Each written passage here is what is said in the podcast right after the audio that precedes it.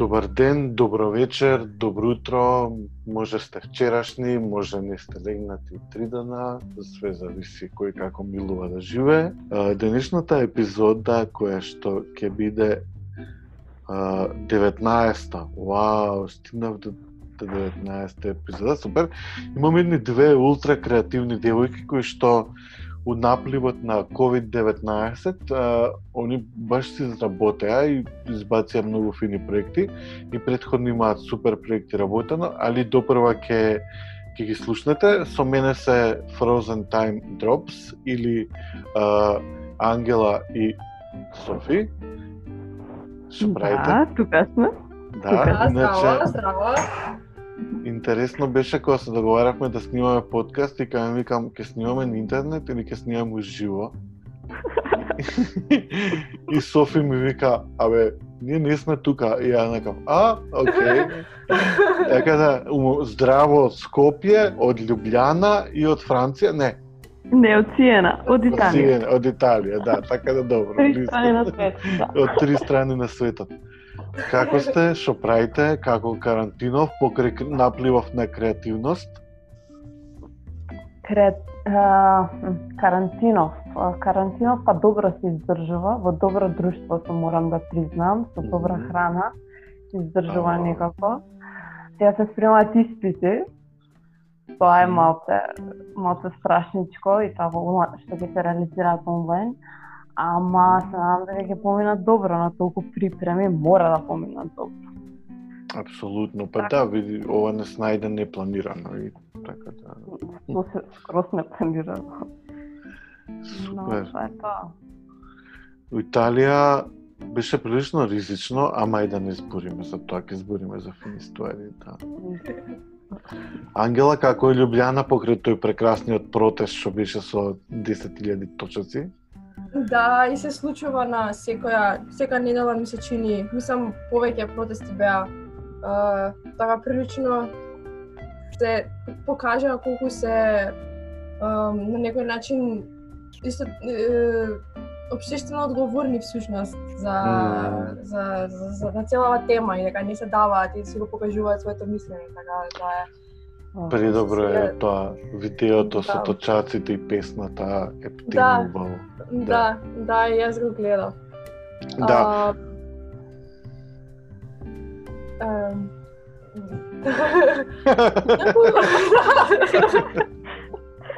Осигурана? Па не, не, вајде очекуваше дека ќе прашам нешто понатаму, па сега тоа. не, не, ја да си кажам, Don't да, worry. да, да, да, да, да дополнам понатака. Ем, по, покрај карантинов ја, ја оствари дипломирам, мислам, требаше да дипломирам годинава, така да работам на дипломска. И, и, и да, мислам, пошто беше секако, требаше да има мојата дипломска покрај истражување на хартија требаше да има и, и, и секако и техники да има истражување, ама ради карантинов бев затворен дома и немав можност да истражувам.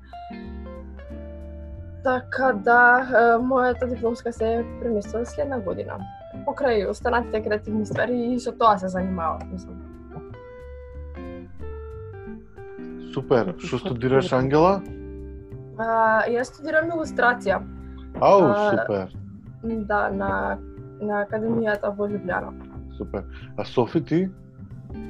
Јас италијански јазик и книжевност во Скопје, ама сум во Сиена на Еразмус. Еу, шубо. Да, Да. Еразмус е прекрасна програма, многу ми се свига. Баш работев еден проект и имавме некои Еразмус плюс некои објаснувања што како е програмата, многу ми се свига. Океј, А, Устори за што е викнав, многу ми се свигаше а, вашиот фанзин диалог во карантин. Предобро ми изгледа и стварно илустрациите се многу убави и вашата конекција очигледно вие функционирате многу добро затоа што правите и фотки, илустрација е нешто прв пат што видов сега од вас. А, и покрај предходно нели видеата на Мате Фолс што ги имате правено, али некако прв пат видов фанзинска илустрација барем у Македонија. Како дојде идејата? Мислам, многу ми се свигаат и пораките, и фотките, и онека баш е карантин мод, храна, фотки со храна, лежење, пижами. Да. Преубаво, да. Да, па по- а, идејата беше на Ангела е да направиме диалог. Ние претходно сме правеле диалози, ама биле само со слики, биле само меѓу нас, као не.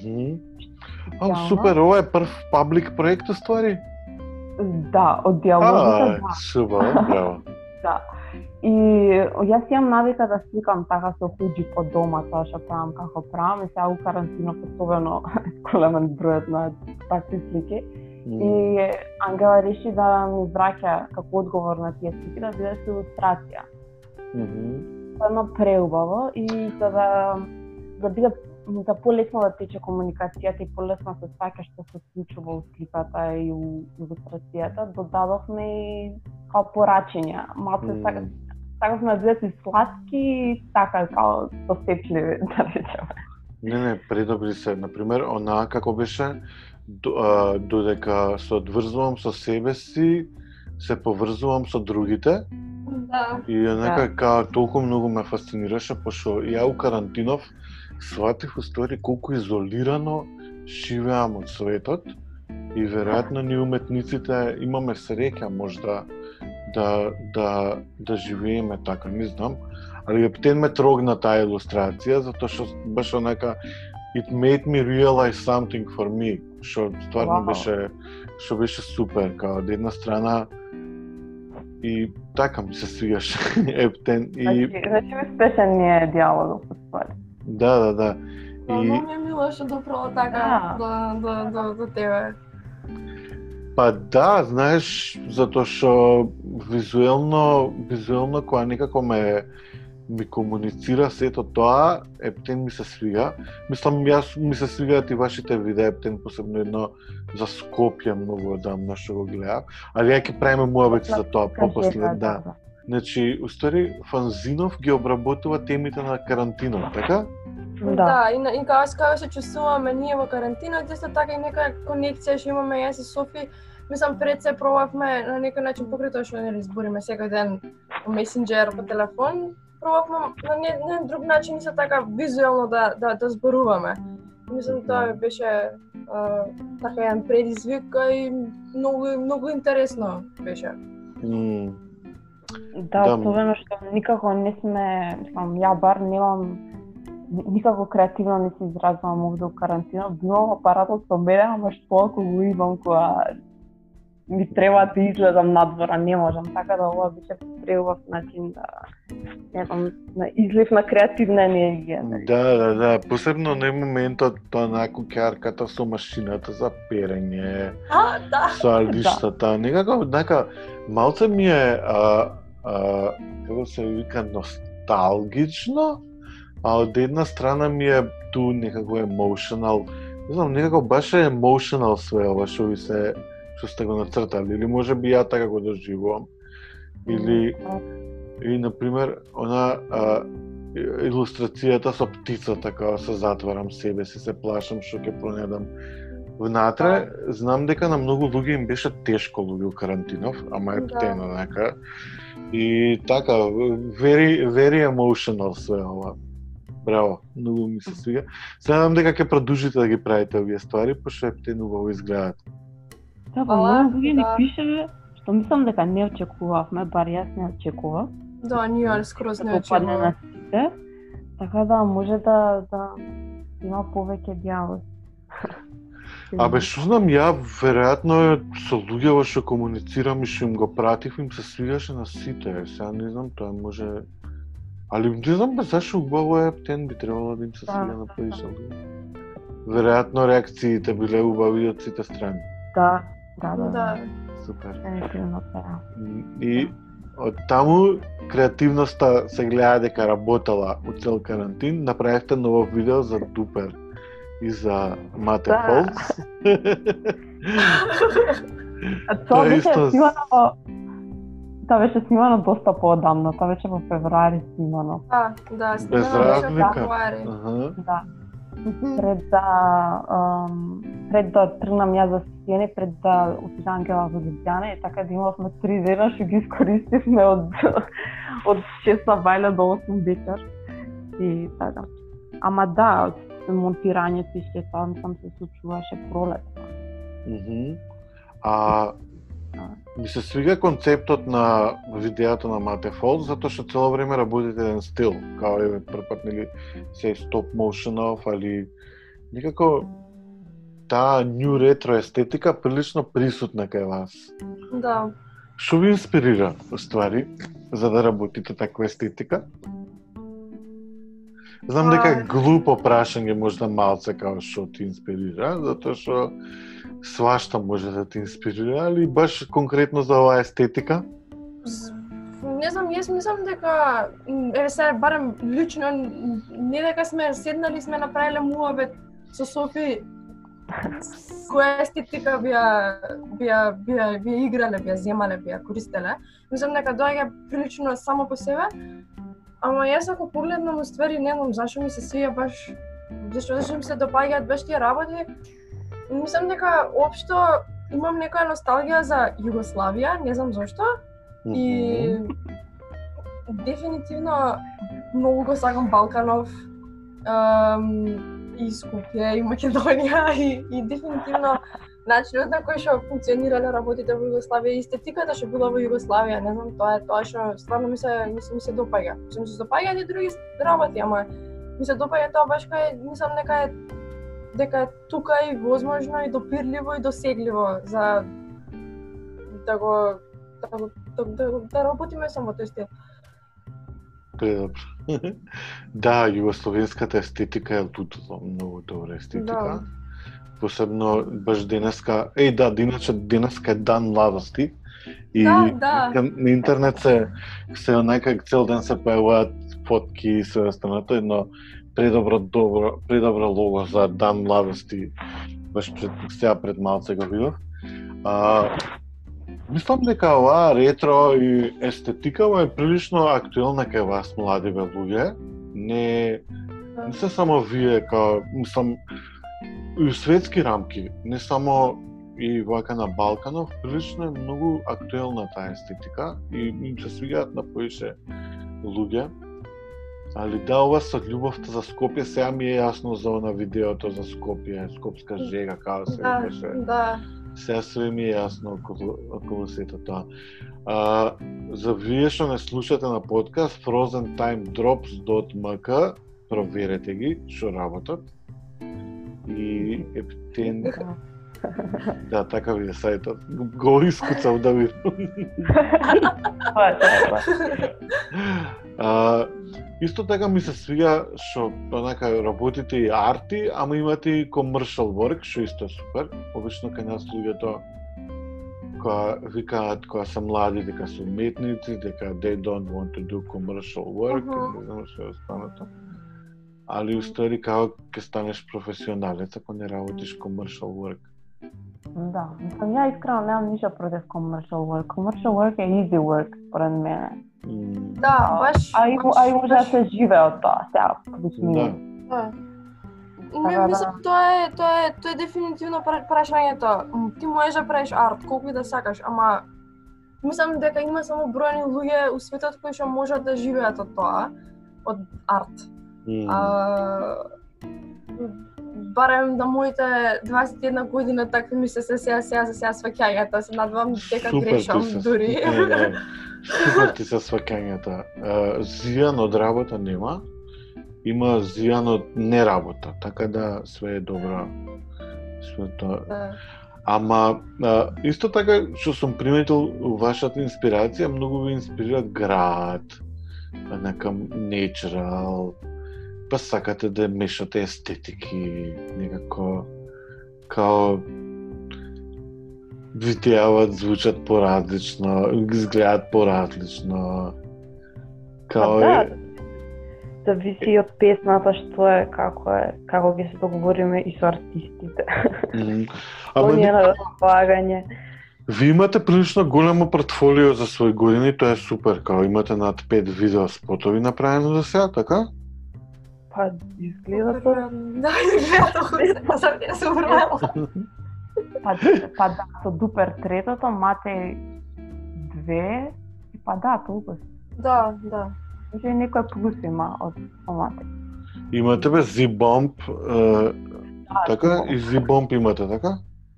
Да, да, Е, да. тоа е ваше видео. Да, да. Али као, вие се појавивте прв пат со на Матеј понеделник, така? Па, јас предходно имав снимано негови две. И Аха. не, Ама разбирам, тоа е- не разбирам и планови, мислам дека беше. Да, планови исто и на мате имаше една како како се мислам беше заборев ген геноцид мислам дека да Да, геноцид. да, Ген- Ангела, да, Матеј, те сакаме.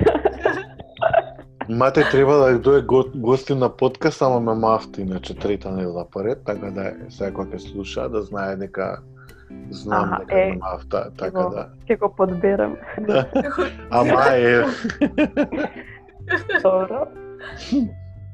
Да, да, е па со геноцид беше првиот. Геноцид беше првиот. геноцид беше Ама фантастичен. некако frozen. Ама Да. некако. Да, некако фрузен, мислам пак е таа то то Пак сме ние, да. кога бевме ни геноцид кога го правевме тоа беше средно, ние тогаш уште камера учевме како да држиме. Мислам не да кажеме сега нешто Да, да. напреднале, пак е тоа е тоа е тој тој принцип што го работиме, ама сакам да речем, таа е некако границата е маглива.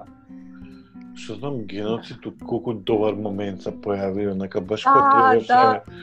кога Да. тотално гласот на младите беше потребен, кога се случува промени некако у земјава, кога сите бевме на улица, беше пет Да. години, тоа шест, Да. колку траеше. Некако и на мате песната у прав момент упали, и видеото. Ептен, good work е тоа, мене многу ми се свига, браво за сето тоа. И да, ми се свига тој активистички момент у све што правите, така да... Не за джабе сум го приметил, леле би Ептен, стварно. ептен онака сега кој кој кој ми кажавте дека и тоа ваше видео е, значи јас сум од поодамна фан. Што е добро. Да. Да. Еко многу, многу, многу ми е мило. Да, а, што се future plans? Future plans, па да се вратиме во диплом- нормала. Да се вратиме во Скопје. Да, покрај дипломскава, испитиве и све останато. Сакате нешто да правите друго? Па, уште видеа. Уште видеа, дефинитивно. Е, би рекла може би за една или две години, може би и филм. Многу, многу сакала Па не знаев ни јас, ама ајде. Да. Исто и студио сакам да имам, мислам онака сите заедно, со се мате, со се Софи, со се останати луѓе што ни се од страна, со Шишка може ако сака. Имаме баш кај правено муаве дека може би некогаш би направиле некоја поголемо студио. Што и мате, например, они се занимава со графички дизајн. Да. Така да не знам, мислам дефинитивно нешто креативно што ќе спојува се, никогаш не би се ограничила на едно нешто и за Frozen исто така, но би сакала илустрацијава например, да се поише и поише и тоа да го работиме и да не и да да и комерцијално, на комерцијално ниво, бидејќи мислам дека илустрација во Македонија има толку многу е, едно поле, една низина за, за проширување, за развој. Апсолутно се согласувам после 20 години работа. Just go, please. така да, не знам, планови се... Од една страна со карантинов, може би на некој начин е лекција дека не треба да имаме толку е, моќно и силно зацртани планови, ама од друга страна 100% како луѓе секогаш ќе правиме планови, така да се некои соништа, да речеме. Мгм. Не Ниве бие вашата екипа, ептен сте сите прогресивни и тоа што работите видео, нешто обично кај нас никам да критикувам млади луѓе затоа што работам со млади луѓе се останато, али некако многу им фали само иницијативност на младите луѓе или веројатно што старт очекуваат многу или пак ќе добијат малце внимание и толку, онака ќе летнат у воздух, ќе се закочат на еден проект, ќе ги хајпнах егото и толку. И знаеш, никој никој не иде подалеку, знаеш, се задоволуваат со тоа малку, мислат дека тоа е доволно и се и застанува таму. Така да за тоа ве прашав што се идните планови затоа што прилично многу имате големо портфолио. Имате три спота за Дупер кои што се прилично актуелни нели као локален бенд се многу актуелни. Еве Мате исто си има своја публика, ептенци они се, се некако артисти у развој заедно со сите вас и Да. да, треба да го направите сето тоа и баш убаво што себе се гледате у Скопје, затоа што знаеме и дека никој не се гледа у Скопје више, што е исто така малце тажно. Да. Да, да тоа е мора- цела цела тема за разговор. Да, мислам, многу фактори зависат. Скопје е меката се уште за моите сетила и инспирација, колку и да мрчам некад за сето Да. тоа, али еве као 20 години работам тука, така да ми се свига и вашиот вајб за сето тоа. Може би треба некои поише видеа за Скопје да снимате као тие што летна скопска жега. Не знам, да, да. не Да, знам. да си го сакам на Скопје пак, само. Да, младите луѓе некако си одат сите и баш е некако тажно сето тоа. Али еве, га, сега се присетив и да отворам, отворив и као вика, Скопје е полно враќање, од Скопје немаш доста. Во Скопје секоја клупа ми е двосет, Скопје е портокалово, Скопје е благ пих, подождец, смешанка од мисли, зборови судбини кои чекорат. Во Скопје врне сладок нектар, по лизите да разлеан розов леплив дожд. Скопје убаво звучи, но уште убаво изгледа напишано. Скопје е сладок копнеш со улици како испукани усни кои жедно ме макнуваат. Сонувам за Скопје, и јас. Жалам за Скопје, и јас. Се гушкам со Скопје, и јас. Скопје го замислувам полно со приказни. се уште ги има. Сите би ги чува. Да, Скопје е старо, а облечено наново. Ова наново, малце дискутабилна исто тема, али ми се свига ептен ова а, и добро е што ви инспирира Скопје и градот кај што сте се родили и кај што живеете, затоа што прилично никој не го сака. Више. Е, мислам, тоа тоа е тоа е можеби вистина во која што не сакам да верувам. Ова беше трики, ова беше трики question за?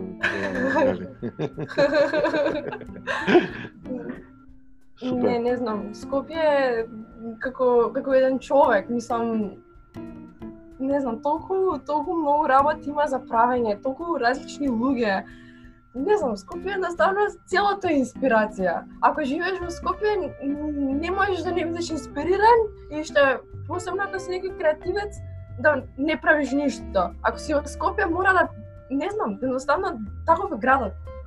Да, има историја, сериозна историја има. Мислам, ја кога растев у таму 2000-ти имаше сериозно многу јаки ствари и тоа веројатно влијаеше врз мене за моето творештво понатаму. Така да, е, многу ми е драго што и вас ве инспирира сето тоа. Да. Е, друго би можеле да споделиме? Што правевте у карантинов? Што друго вас ви се допадна у карантинов? Покрај тоа што вие творевте, нели многу уметност излезе на површина, нека ептен од видеа до музики, све и свашта. Што ви остави впечаток некако? Мм, ова е добро прашање. Пошто имаше оверлоуд, нека баш многу работи се појавија. Ам, а не, морате да ми одговорите одма, може да. Да, ни треба малце, малце да се размисли. Да, ми се свиѓаше што наеднаш излегаа стварно многу содржини на интернет што се да бидат достапни, мислам за учење, ресурси, многу книги, многу видеа, некои мастер класес. Знам со Дейвид Линч слушав некој мастер клас. Uh, така, тоа ми беше многу супер, пошто баш од тој период ми требаше, ми- мислам, ми, ми беа потребни ресурси за дипломската. И многу ми се свигаше што толку наеднаш се се пушти и на некој начин беше стварно нов начин на консумирање информации, култура, Мгм. ама не сум сигурна дека ми се дека би останала на таков начин на консумирање информација и култура до крај на живот. Значи, за овој период окей, за два месеци окей, ама повеќе не, пошто сметам дека баш тоа што си дома затворен и ти консумираш, ама немаш некој некој меѓу простор на кај што ти излегуваш од дома, не знам, се оддалечуваш од тоа што го правиш, да рефлектираш на тоа што го работиш. Единствено тоа не ми се допаѓаше. А инаку беше топ, беше супер период. Да, А, баш беше фино. Не знам тоа само мене не ми беше толку фино затоа што ја кога дојдов тука на Еразмус очекував да не се приберам дома, а не да. го правам токму спротивното.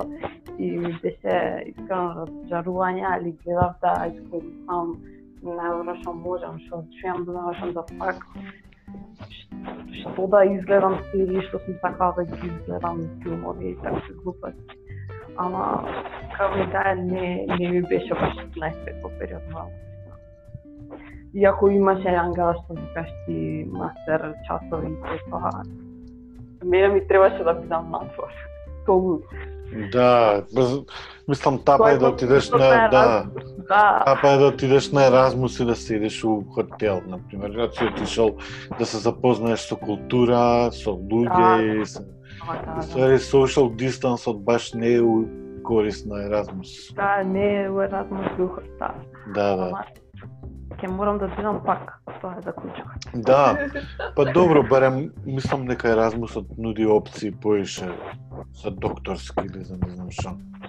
Мастер, А, мастер. Да, пардон. И така да баш ми е жал што те што те сретнала таква ситуација у Италија. Се надевам дека барем јадеше од фината храна што те да. у фанзин. Супер. А, Што можеме да им порачаме на луѓето овие мигови кога сметот се менува? Што мислите вие од ваша перспектива? Ја некако утописки верувам дека све ќе тргне на добро, ама некако ја вајда така само верувам. Е, јас мислам дека дека дека мислам дефинитивно мора да се смени нешто. Мислам дека после ова ќе ќе има некаква промена. Секаква промена е дефинитивно прашање за дискусија, ама мислам дека сепак би им порачала на сите да почнат прво од себе и веројатно ако сите истовремено почнат од себе да се подобруваат и да се чувствуваат подобро и да работат на себе подобро и подобро да комуницираат и да се грижат за останатите, тогаш целиот свет глобално ќе се смени. И би сакала да верувам дека тоа ќе се случи, пошто не знам, нема нема поента во во во во, во некое такво лошо размислување дека пак се ќе биде исто, дека повторно, не знам, капитализмот ќе ни искористува. Може би ќе биде така на некој начин, дефинитивно у позадина тоа ќе се работи. Ама не велам дека може би игнорантноста е нај, најдоброто решение. Ама од една страна па м, На човештвото му требаше промени, дефинитивно. Да, да, дефинитивно Право требаше една лекција. Да. А некака тотално луѓето денеска не ги занима ништо. Тотално се игнорантни кон све, не почитуваат животни, животна средина, ништо. Така да, ова беше great reality check, се надевам дека стварно ќе излече на некоја добра поука. Ние секако сме извлекле, ама се надевам дека и другите луѓе ќе излечат.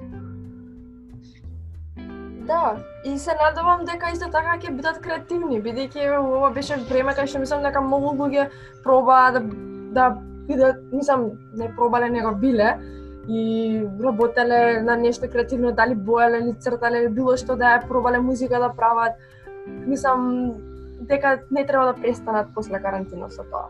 Да, на пример, Да, многу се е многу, да, се појавија многу цинични коментари за тоа луѓето што прават карантин, као леле немојте да споделувате тоа што цртате, леле доста готвите и све останато. Но не over judgment момент пак го имаше у моменти кај што не треба да постои. Да. Као ке, Да. сите сме дома, на сите ни е тешко. Ја искрено имав привилегија што имам куче, па можев да излагам и тоа малце, али на моменти анксиозноста пукаше ептен и Да. И тоа е, нема веза, работиш, медитираш, црташ, шо и да е, шо пееш, ама не сите луѓе знаат да се справат со тоа. Али да, ми, ми беше тенубаво како се појавија некои нови уметности, нови луѓе, што не сум ги, или може би биле тука, ама што сме oversharing information, не сме, ја примет, не сме го приметувале сето тоа. Да. Све останато. Супер. А, како оди вашава соработка на дистанција? Ствари вие се слушате секој ден фанзинов, како беше направен? За колку време го направивте? Па мислам Па- дека една недела. Да, за една недела. Да, Вие- рековме, си рековме као, ајде да пробаме да цртаме секој ден. Софи ми прекише слика од Савајле, ја попладне после ручек ја ја илустрирав таа фотката, фотката што ќе ми ја пратеше она. И рековме ајде да видиме една недела дали ќе собираме материјал. И собравме. рековме ако треба уште ќе ќе тераме уште денови и насоно така некако беше се многу интуитивно. А, Да, и кога беа сликите, илустрациите споени веќе да речем, стана уште пораките и тоа доста брзо, мислам дека као за 10-15 минути ги напишавме пораките, само после тоа као нели ги соединив. И тоа беше тоа. Супер. Многу многу убаво стана стана. А ние као браво за една недела дека сте успеале да го направите, тоа е сериозно краток рок што се вика, поготоа некако сакаш нешто емотивно и со душа да направиш. Тоа е супер, браво. Да. А, не знам, ја ве охрабрувам да продолжите да ги цртате тие фанзини, пошто многу ми се свија. Ти секако видеава да продолжите да ги правите. Фала ти. Да. Ќе продолжиме дефинитивно. Да, исто многу ми беше драго кога ве поканив на подкаст, кога ми рековте да, слушаме, супер. Викам, Да. окей, тоа е супер. Да, јас ја јас узвала стварно мислам, че ја обавезно цртам, мислам дека цртам слушам подкасти обавезно и баш супер. Да, и предложете, ја да. чув. На Celebrate Life слушателите што подкаст да им, пред, да им предложиме да да слушаат некој што ви се свиѓал. Јас би им предложила да го слушаат uh, The Jealous Cur The Jealous Curator, Curator, не знам како се изговара, куратор Мгм, на мгм. е, и мислам тоа е баш кураторка. Кој прави мислам баш така кратки на некој начин интервјуа со уметници. И интересно е што имаш инсайт во нивниот daily life, како цртаат, од каде добиваат инспирација, какви материјали користат и така, мислам У, баш добро звучи да, интересно, да. О, ќе проверам ова. Ја последно што ми се свиѓаше The Rabbit Hole, така се вика на New York Times. И Да, дека имав, да, да, имав, имав чуена. Да, и м- многу интересен подкаст и као што ни прави интернетов и све останато, како да се исклучиш од интернет. Така, мислам, интересно е, многу е добра причата, да не ја прераскажувам сега, кој има време нека го чуе Rabbit Hole. Благодарение на овој подкаст некако избриша Facebook апликација од мобилен месенџер и добро се осеќам поради тоа, ама пошто сме дома, пак е друг моментот, као пак имаш е, интернет цело време и све, али као некако ќе пробам да се дистанцирам од од Facebook периодов, пошто очигледно многу време ми троши, а не ќе тоа да ми троши време. Ќе слушам подкасти поише. да, а, Софи? дефинитивно. Имаш ти некој подкаст што ти се свига? Не, јас не слушам подкасти, освен овој. твој. А, види како Ама ета може, може, може би ќе може би ќе ќе почнам. Кој знае. Не бе, зашо? Многу, многу добри подкасти има онлайн и баш нека добро, добро звучи, има сека чува да се слушна. Супер. А, окей, значи се задржувате на видео, илустрација и фото. Да. А, што друго можеме да им преречеме на младите луѓе кои што сакаат да почнат да се занимаваат со уметност? Да не чекаат, буквално да не чекаат и да почнат чисто со после да малку повеќе спремни да почнат дали да сликаат, дали да снимаат, зашто ние така почнавме и не знам, кога ќе почнеш, после тоа само и напредуваш, напредуваш, напредуваш. Така да, Да, само, само дефинитивно. Само храбро се почна. Ако немаш километрина на почеток, ако не почнеш никогаш нема да добиеш. Така да не не битно што немаш искуство, ќе го добиеш по пат, битно е да почнеш и после тоа ќе земеш еден залет и само ќе се движиш напред. Ова е прекрасен совет и поготоа тоа што го слушам од млади луѓе и така како многу ми се свига. Се надевам дека ќе ги мотивирате останатите млади луѓе да почнат да работат што е можно повеќе. Се надевам и јас да мора да сте си ја подаваме мотивацијата кога М. кога некој ја нема друг што има треба да ти подаде рака, мислам дека тоа е Апсолутно. Да, да, да. Многу кажам, да. Тоа е човечки гест, ја мислам дека Да. Некако денешното човештво треба да се состои тоа на поголема емпатија и шеринг Да. шеринг комјунити моменти, да. Дефинитивно и твојата уметност што што ја баш некако гравитира околу тоа да да на поддршка и на конекција помеѓу луѓето, тоа многу ми се допаѓа и мислам дека правиш стварно одлична уметност. Благодарам и многу ми е драго што што така така си ја доживела. Да, ептен се трудам околу мојата уметност, уствари не толку колку што се трудам, колку што емотивно се трудам да ја раскажам денешницата у каја што живееме. Го правите и вие истото тоа, така да за тоа вајда кликнавме кога ви ја видов работата. што е лично добро. Супер, а, кои техники би сакале да ги пробате уиднина за работа, например, нешто? Океј, пошто као реално експериментирате, што е супер, не се задржувате на едно нешто. Анимацијава гледам срамежливо ја чепкате. Еве ова со, со последново видео на Дупер и на Матеј се покажа со стоп моушенов. Предходно исто имавте една анимација на типографија. Е, Дали би се пробали во анимација малце? Мислам, јас анимација ра... прв пат се сретнав во средно во средно уметничко во Лазар Личеновски, таму работевме некои така помали проектчиња. Па после во прва година на факултет пак една кратка од 8 секунди, па направив една од минута и 46 секунди ја памтам до секунда пошто секој фрейм Да, полека, полека ме убиваме. направив пре- предходниот семестар, мислам 2D е, класична анимација. И дефинитивно ме интересира ме интересира анимација само што тоа е огромно поле и не знам, длабоко е. Треба да се посветам многу поише ако за да речам сега работам и анимација. Ова е само така, Мм. малку на површината чепкам, пошто ме интересира. Да, али исто тоа што у работите е прилично отворено и мешате стилови, например.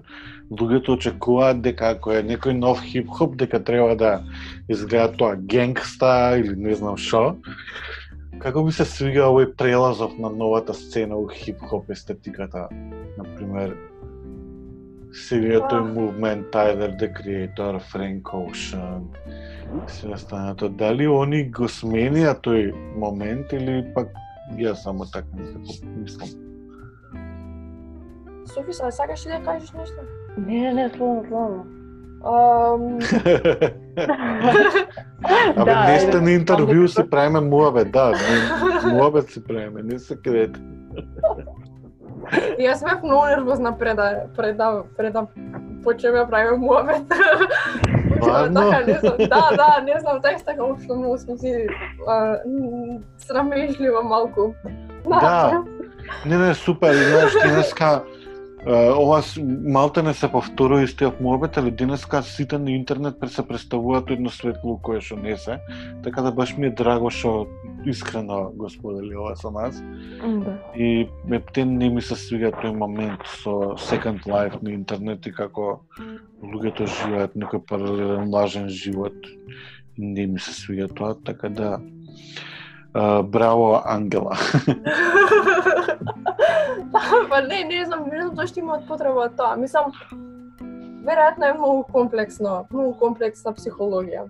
Е, Колку е битно Мгм, Така, Кажи, така, инаку, Мислам да инаку. се да се да се да се на на Tyler the Creator Мгм, и Precaution. Uh, не знам, мислам, јас the Creator го обожавам.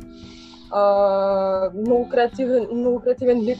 Uh, и светот што се однесува до до стиловите и до до до хип-хопот каков што бил и каков е сега и колку луѓе го користат за да кажат нешто ново, мислам тоа е неизбежно бидејќи има толку многу а, работи на светот веќе и сите да, нели пробуваме да бидеме креативни и да направиме нешто ново. Едноставно, кај си креативен, сигурно ти доаѓа некаде во процесот, ама дали сум го видел ова негде или на пример не знам, се одлучуваш за нов проект и ќе го запишеш ти насловот и отвараш на Google да провериш дали веќе постои. Случајно да не правиш дупла работа. Ама мораме да разбереме дека ова не се 40 или 30 каде што све било тогаш прв пат почнато, знаеш. Да, да, да. Мислам, и заради, заради, заради тоа сметам дека, дека и доаѓа тоа, тоа пр, пре, пре, м, на некако на ново, на ново, ново настанати стилови, појки од стилови и слично. А, многу ми се свига што го прават тоа. Сам, би, би рекла дека може би кај нас треба и на, и на Балканов општо, може би треба малце повеќе да се експериментира како што се експериментира во далечната голема зелена Америка. М, А, разбирам дека они територијално се многу поголеми од нели ово, ово- овој на, нашава територија автоматски имаат многу поише луѓе и така натака, ама не мора кај нас исто така секоја песна да биде многу слична со претходната и стил на фотки, стил на спотови и не знам некој замислен животен стил што го што го живеат познатите личности. м. Да, се согласувам, не достига иновација поише. Али затоа се тука младите луѓе. Така? Да, се надевам, мислам, и младите и старите, никогаш не е време да... Не, не, старите апсолутно. Да се... Јас секогаш оставам простор на младите, ние сме тука, нели кај што сме, работиме уште, али треба и младите луѓе да работат. Да, треба заедно да работиме. Мислам, младите дефинитивно не, не, не треба некој да им го покаже патот и да им помогне и да им рече окей си така на така, пошто ние младите дефинитивно мислам Да не знам сега колку другите имаат проблеми со самодоверба. А, ама може би тоа е исто така еден голем проблем на креативните луѓе и, и, и со работата. Проблемот на валидација. Некој треба да ти каже окей си, окей тоа што го правиш.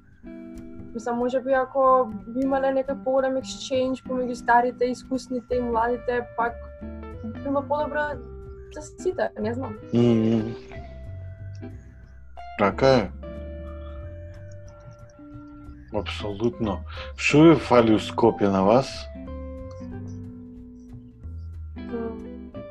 Повеќе фестивали, повеќе изложби, повеќе луѓе кои што гледаат филмови, а, повеќе луѓе Повеќе што дружење, во смисла како на работилници, не знам, некои такви работи на различни теми. проекти, да, активности едноставно с- има се и све што може да се прави, а не се прави. Мислам се прават до одреден степен и после тоа не се прават. А може да се прават, зашто да не, мислам. Добро, супер, одлична визија. Се надевам дека ќе се менјаваат работиве у догледни днина или пак вие ќе се потегнете да ги правите. Се Шесто така. надевам да. Надевам и на двете сценарија и дека ќе се справат самите ви дека ние ќе ги правиме. Не бе супер, знаеш, се додека вие сакате да творите у градот у кој што живеете, онда све е возможно и треба да се случува. Супер. Дали нешто испуштивме што сакавме да кажеме, а ја го го заборив у меѓувреме или? Им порачавме на, на сите да бидат Да. Тоа е најбитно. битно, да. Ние си кажавме што работивме, те пофаливме тебе, ти не пофали нас. Ова фали ти. да. Супер. Скоро саат време некако така ќе му дое. Да. Ова 19 епизода со мене беа Frozen Time Drops или Софија и Ангела. Може би ги знаете од град, ако не ги знаете, еве прилика да ги познаете. Проверете им го нивното портфолио, многу имаат интересни ствари. И ја ве поздравувам и се надевам дека ќе продолжите да работите.